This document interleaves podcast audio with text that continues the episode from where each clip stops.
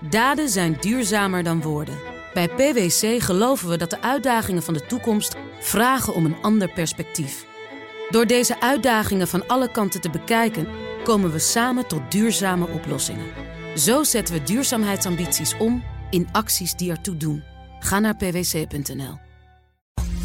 Beleggerspanel. Renteverhoging, komt die er wel of komt die er niet? Straks hoor je alles over de beslissingen die Fed en ECB later deze week moeten gaan nemen. En hoe jagen zeven bedrijven de S&P 500 aan? Dat en meer bespreek ik in het beleggerspanel met Martine Hafkamp van Vitesse Vermogensbeheer en Karel Merks, beleggingsspecialist van Beleggersbelangen. Goed dat jullie er zijn, welkom.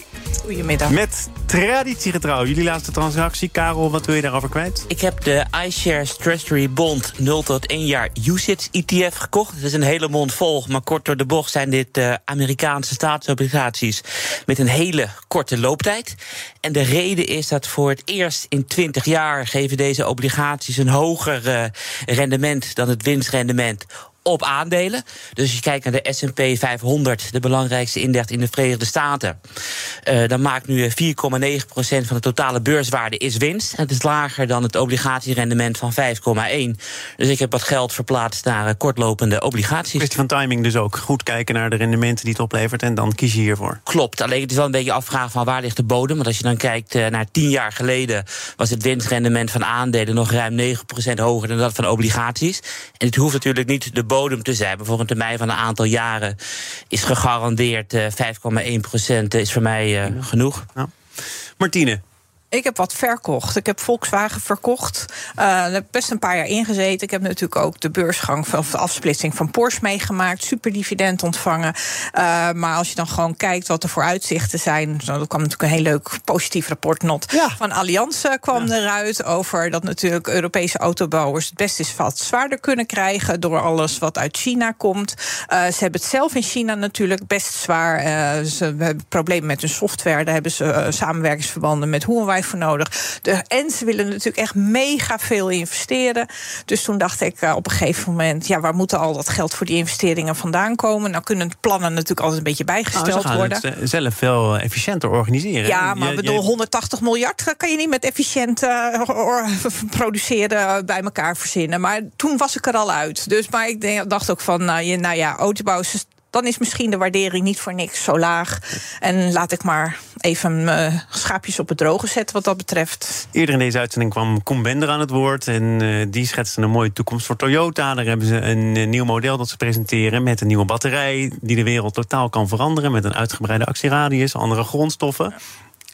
Liggen zij om in deze terminologie te blijven op pole position? Nou, volgens mij wordt het eerste model dan in 2026 uh, verwacht. Uh, volgens mij lag Toyota juist achter. liepen ze juist heel erg achter met de elektrificatie. Hebben ze eigenlijk die slag waren ze een beetje aan het missen.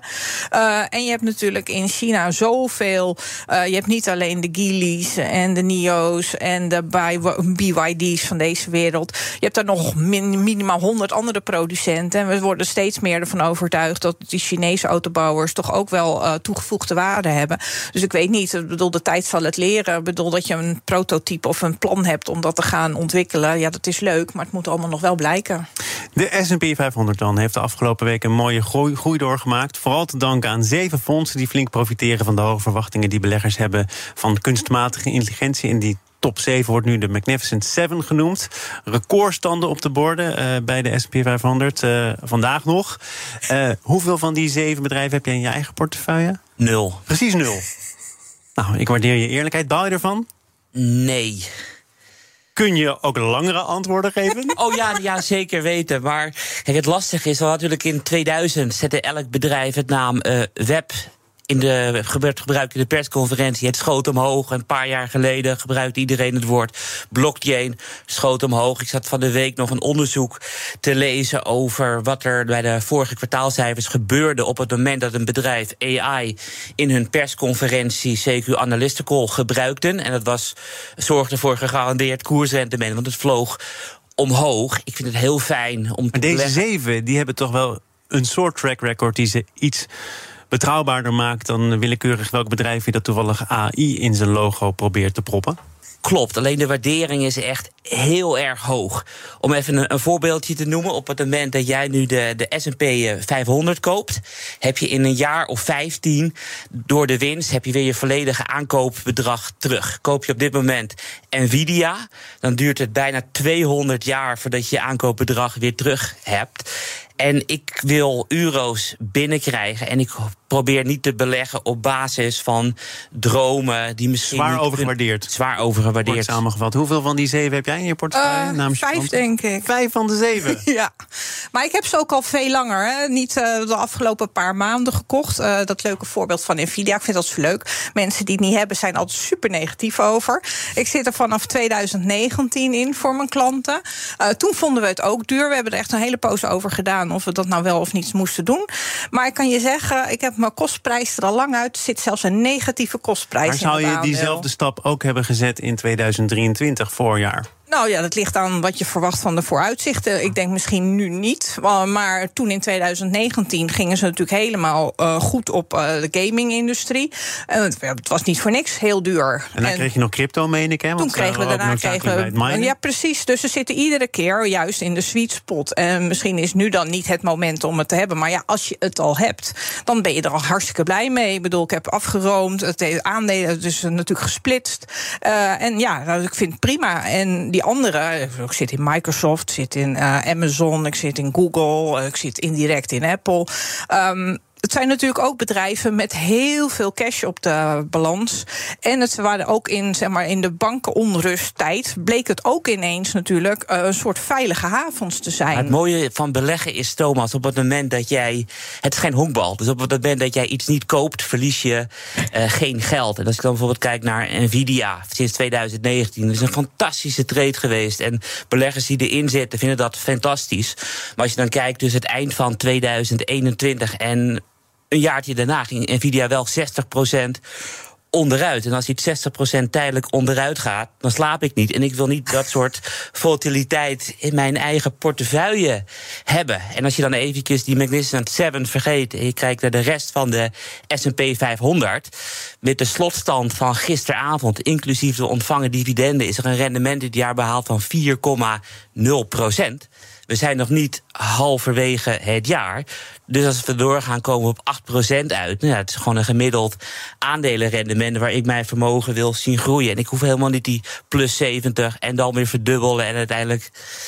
Maar kijk je niet met enige afgunst naar het ritje dat Martien dan heeft kunnen maken? Nee ik, nee, ik vind het hartstikke goed. Ik bedoel, op het moment dat je durft en je verdient daar geld mee dan, dan gun ik het maar was er veel lef voor nodig? Tenminste, in de nou, optiek van Karel nou, moet het je is geen lef. Ik bedoel, je kijkt naar de vooruitzichten. En wat ik al zei, we hebben er langer over gedaan... omdat we dachten om de beslissing te nemen om erin te gaan... omdat we toen al duur vonden.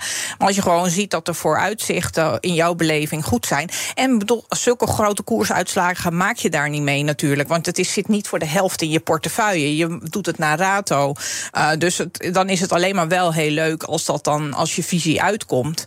En natuurlijk, bedoel, maar er zijn veel meer aandelen die het natuurlijk vorig jaar heel slecht hebben gedaan. En dan heb je een wat lager rendement. Maar als je dan ook weer ziet, als je gewoon netjes spreidt, want volgens mij, wat jij ook zegt, maar wat gewoon de bedoeling is natuurlijk van beleggen. Nou ja, dan kom je, dan doe je gewoon wel mee. Maar je, want je weet nooit precies wanneer die draai in de markt komt. Dus je moet zowel groei als waarde aandelen. Hoe ziet die markt er op dit moment dan uit? Hè? Want die zeven die worden nu op een eh, voetstuk geplaatst en die trekken de rest ook een beetje omhoog. Hoewel, wordt er dan gezegd de S&P 500 altijd een goede graadmeter van hoe het economisch voor staat. Hoe het sentiment is.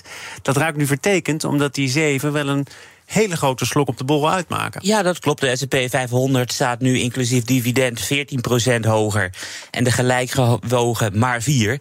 Dus inderdaad, het trekt alles omhoog. En persoonlijk zie ik Nvidia als een elastiekje. Je kan het uitrekken, alleen je weet nooit precies wanneer het barst.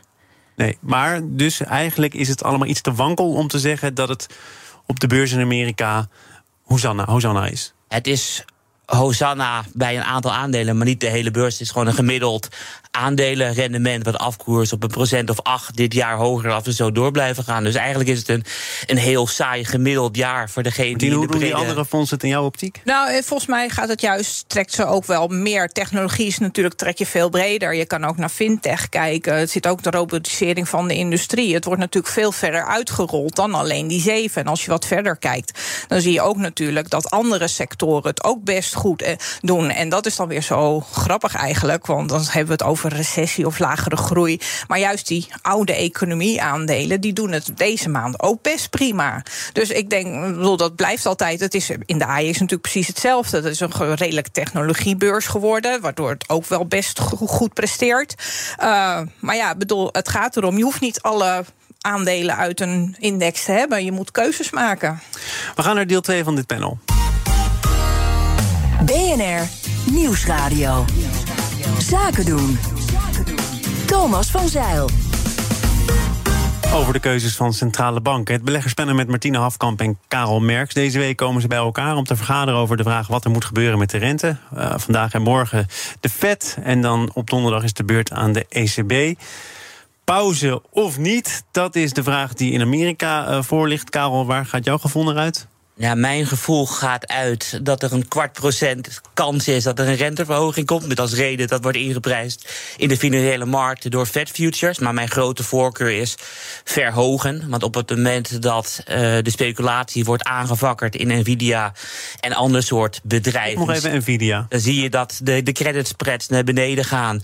Dat het risico nemen omhoog gaat. En meer economische activiteit is altijd meer inflatie. Want het geeft de bedrijven de kracht om de prijzen te verhogen. Dus ik hoop dat Paul morgen verhoogt om gewoon te zorgen dat die inflatie. Zoveel eensgezindheid is er niet, hè? Als je dus inderdaad zegt hoe het ingeprijsd is, een kwart van mensen houdt het toch nog rekening mee. Zelden gebeurd. Ik volg de markten nu uh, 25 jaar en altijd is de kans 85, 90 procent of hoger.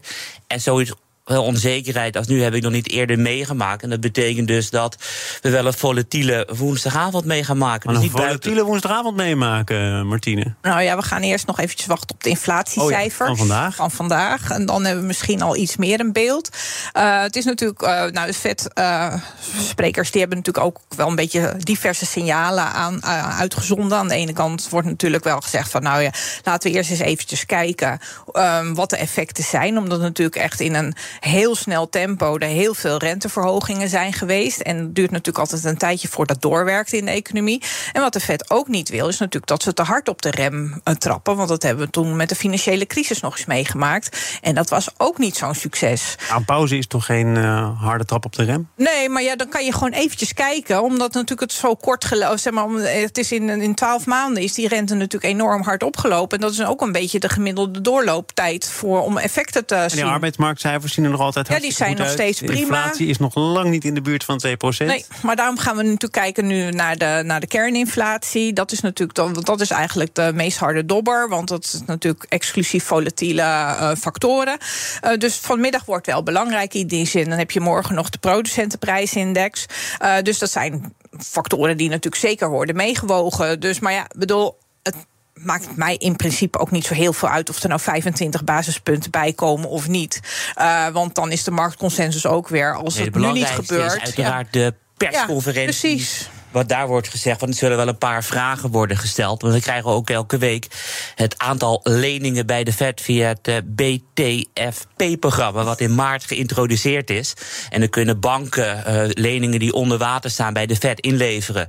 Die bijvoorbeeld 80 op 100 noteren. En dan krijgen ze weer 100 uh, voor terug. Vraag dan even hoe druk is het bij dat loket? Ja, het is druk. Want afgelopen week is dat gestegen tot meer dan 100 miljard. Dus elke week vragen banken meer steunmaatregelen aan bij de Fed. En er zal zeker vragen over gesteld worden. We hebben natuurlijk ook al twee onverwachte verhogingen gehad uit Canada en in Australië. Waar ze, Edi Moyagit wees daar eerder op in dit programma, eh, dat doen na een pauze. Ze begonnen daar als eerste met het verhogen van die rente. Dachten toen Klopt, we maar de vraag is, wat is een pauze? Want op het moment dat we bij de vorige... Nu wordt het heel fundamenteel. wat is een pauze? Kijk, en de reden waarom ik die vraag wil stellen is... want we stonden hier natuurlijk ook anderhalve maand geleden... en toen dacht iedereen ook, dit was de allerlaatste vetverhoging. En we zijn toch weer verder gegaan. En daarvoor waren we ook al gepauzeerd. Of zou een pauze beginnen? Nou, daar hebben ze natuurlijk nog nooit zo echt heel duidelijk hebben gezien. Dat, ze gingen zeggen dat het afhankelijk werd van de macro-economische omstandigheden en, de, eh, en, en cijfers. Uh, en een pauze, ik bedoel, één keer niet verhogen, dat is al een pauze. Om in een mooie korte. Ja, dus we hebben dus meerdere pauzes en opstartingen gehad. Kijk, en uh, salarissen, dus gewoon loonprijsspiraal, is een werkelijk iets natuurlijk. En die zijn heel moeilijk uh, te doorbreken. Daar heeft uh, het lid van de ECB, Klaas Knot, iets over gezegd natuurlijk. Over die loonprijsspiralen. Dat het nu wel welletjes is geweest met die uh, stevige loonsverhogingen. Lagarde is donderdag aan de beurt. Speelt daar ook die vraag van de pauze of toch aanzienlijk minder? Nou, we zijn in Europa natuurlijk altijd uh, zijn we een beetje, zitten we achteraan in de rij. Dus we hebben nog veel minder verhoogd. Dus uh, daar is het eigenlijk wel vrijwel zeker dat ze in ieder geval nu wel moeten verhogen. Maar ja, dan is weer het eigenlijk daar is nog meer de vraag: wat gebeurt daarna? Want uh, in Europa heb je ook weer niet zo heel veel behoefte aan een hele sterke euro. Want dat is weer niet zo goed voor je concurrentiepositie. En daar gaat het natuurlijk, als je dan naar economische zeg maar, ontwikkelingen kijkt, gaat het hier in Europa toch iets minder rooskleurig dan in de Verenigde Staten. En de inflatie is hier ook hoog. Want vandaag werd ook bekend dat uh, in Nederland de gemiddelde CAO-stijging over het afgelopen jaar 8,2 procent is. En dat zal nog maanden doorgaan. Want de CAO waar ik onder val wordt pas op 1 januari 24 vernieuwd. tevreden? Ah, oké. Dus, dus, ja, dus, er moeten dan de prijsstijging van de afgelopen twee jaar in verwerkt worden. Dus die 8 gaat gewoon naar 10. We gaan naar een bedrijf dat uh, zowel in Europa als Amerika actief is. Justy Takeaway. Dat stuiterde de afgelopen dagen heen en weer op de beurs. Vorige donderdag nog de grootste daler in de midcap. Nu valt het bedrijf weer in de smaak vanwege een ontslagronde bij de Amerikaanse dochter Grubhub. Uh, volgens mij uh, vijf van de zeven van de Magnificent Seven. Maar niet Justy Takeaway, nee, toch, die Martine? zit er zeker, niet in. Zeker, niet, zeker niet. Nee, ik bedoel, ik heb het is nooit dat ik een hekel heb aan een aandeel of zo. Maar ik heb nu nooit zo heel veel. Oh. Nee, maar ik heb nooit zoveel positiefs erover te vermelden over Justy takeaway. Want nu dan weer, inderdaad, dan is het leuk dat ze weer een ontslagronde in uh, de Verenigde Staten aankondigen bij Grubhub. Gaat dan uh, 15% van het personeel uit. Uh, dat moet dan wel wat kosten gaan besparen. Maar ja, er is iedere keer wat bij dat bedrijf. Uh, en als je dan ook ziet, um, nou ja, bedoel, is natuurlijk net een uitspraak geweest dat dan uh, ook daar dat je niet uh, ZZP'er bent, zeg maar in de Verenigde Staten, maar dat je ook een minimumloon moet ontvangen. Waarvan als je zij die... zeggen dat raakt ons eigenlijk niet, want we hebben Ja, relatief ze, weinig ze, ze mensen. in zeggen, we zijn meer een platform dan dat we echt dat bezorgen doen. Maar ja, volgens mij bezorgen ze in New York bezorgen ze toch best wel wat. En dan kan dat best natuurlijk ten koste gaan van wat je van je marges. Maar ze zeggen wij laten bezorgen door mensen die in dienst zijn van het restaurant. Ja, zeggen ze. Hoofdzakelijk. Ja. Zeggen ze. Ja, Oh. nee, ja, nou, dat zeggen ze dat zo is. Maar dan zeg ik ook, ze zijn vooral een, een platform uh, daar, in tegenstelling tot co collega's. Maar ja, het kan niet zo zijn dat dat natuurlijk helemaal geen impact gaat hebben. Want je ziet dan ook weer met die hogere inflatie en natuurlijk voedselprijzen die stijgen en mensen die gewoon lekker naar het restaurant willen, dat dat uh, hele bezorgen misschien ook wel eens iets minder enthousiast uh, ontvangen wordt. En vergeet ook niet, ze wilden eerst wilden al die partijen marktaandeel winnen. Dus was dat bezorgen redelijk goedkoop. Ik zat nog eventjes onderzoek te doen voor deze uitzending hoe dat in de Verenigde Staten gaat. Er is een gemiddeld prijsverschil van 30% Dus als jij je voedsel in het restaurant ophaalt of laat thuis bezorgen. Dus het is gewoon ideaal om keihard te bezuinigen bij een recessie. Als je geld moet besparen, komt er geen recessie, dan blijft de inflatie de ideale manier. Ook om geld te besparen. En heb je ook nog de bonus van je gaat helemaal niet meer naar het restaurant, je gaat naar de supermarkt. Ja, en dan is de vraag van, ze hebben nu een negatieve cashflow. Ja, ze, gaan, ze, gaan, overigens voor dit jaar, als we dan toch proberen iets positiefs te melden, uit van winstgevendheid. Hè? Uh, Oké, okay, dan gaan ze uit van winstgevendheid. Bedrijfsresultaat. Nee, pardon, je, je kunt er allemaal mits en maren bij plaatsen. Moet volgens ja. mij ook, maar bedrijfsresultaat ja. positief. Een plusje ja, dat, van kwart miljard. 2,75 is de bedoeling. Maar het is dan ook met die fee-caps in de Verenigde Staten. En dan uh, Californië, San Francisco is die eraf. Maar dan zijn de restaurants ook een beetje aan de goden overgeleverd... van hoeveel ze dan moeten gaan betalen in die onderhandelingen... met die verschillende bezorgdiensten. Dus daar zit je als restaurant ook niet op te wachten... als je dan nog weer zoveel erop moet klappen, zeg maar. Ja, vergeet ook niet dat zo'n DoorDash, een Amerikaanse concurrent... nu een beurswaarde heeft die elf keer groter is... met een positieve vrije kas Waardoor als ze elkaar een keertje tegenkomen om met elkaar te concurreren, is het wel een hele kleine speler tegen een hele grote speler Wat die is nu het advies? is. Want Grubhub, dat blijft natuurlijk ook de kwestie. Vandaag het nieuws over die eh, reorganisatie daar. Maar het advies van verschillende banken en ook de afgelopen jaren is natuurlijk: probeer toch zo snel mogelijk op een relatief nette manier van Grubhub af te komen. Lukt dat nog een beetje, denk jij? Geen idee. Want op het moment dat ik het nu wil verkopen, krijg ik natuurlijk een hele slechte prijs erin. En mijn advies aan beleggers is: van zoek echt winstgevende bedrijven op. Want dan is het risico dat er een ongelukje gebeurt heel klein. Ik dank jullie voor jullie bijdrage aan dit eh, beleggerspanel. Martina Hafkamp van Vintessa Vermogensbeheer en Karel Merks, beleggingsspecialist bij Beleggersbelangen. Tot de volgende Beleggerspanel wordt mede mogelijk gemaakt door Annexum. Al meer dan 20 jaar de aanbieder van vastgoedfondsen. Dit panel is uiteraard ook te beluisteren als podcast. Abonneer je vooral even via jouw favoriete kanaal of de BNR-app. Zometeen is er plek in Nederland voor privaat gefinancierd onderwijs. Wat is er terechtgekomen van de Duisenberg School of Finance? Daden zijn duurzamer dan woorden. Bij PwC geloven we dat de uitdagingen van de toekomst vragen om een ander perspectief. Door deze uitdagingen van alle kanten te bekijken, komen we samen tot duurzame oplossingen. Zo zetten we duurzaamheidsambities om in acties die ertoe doen. Ga naar pwc.nl.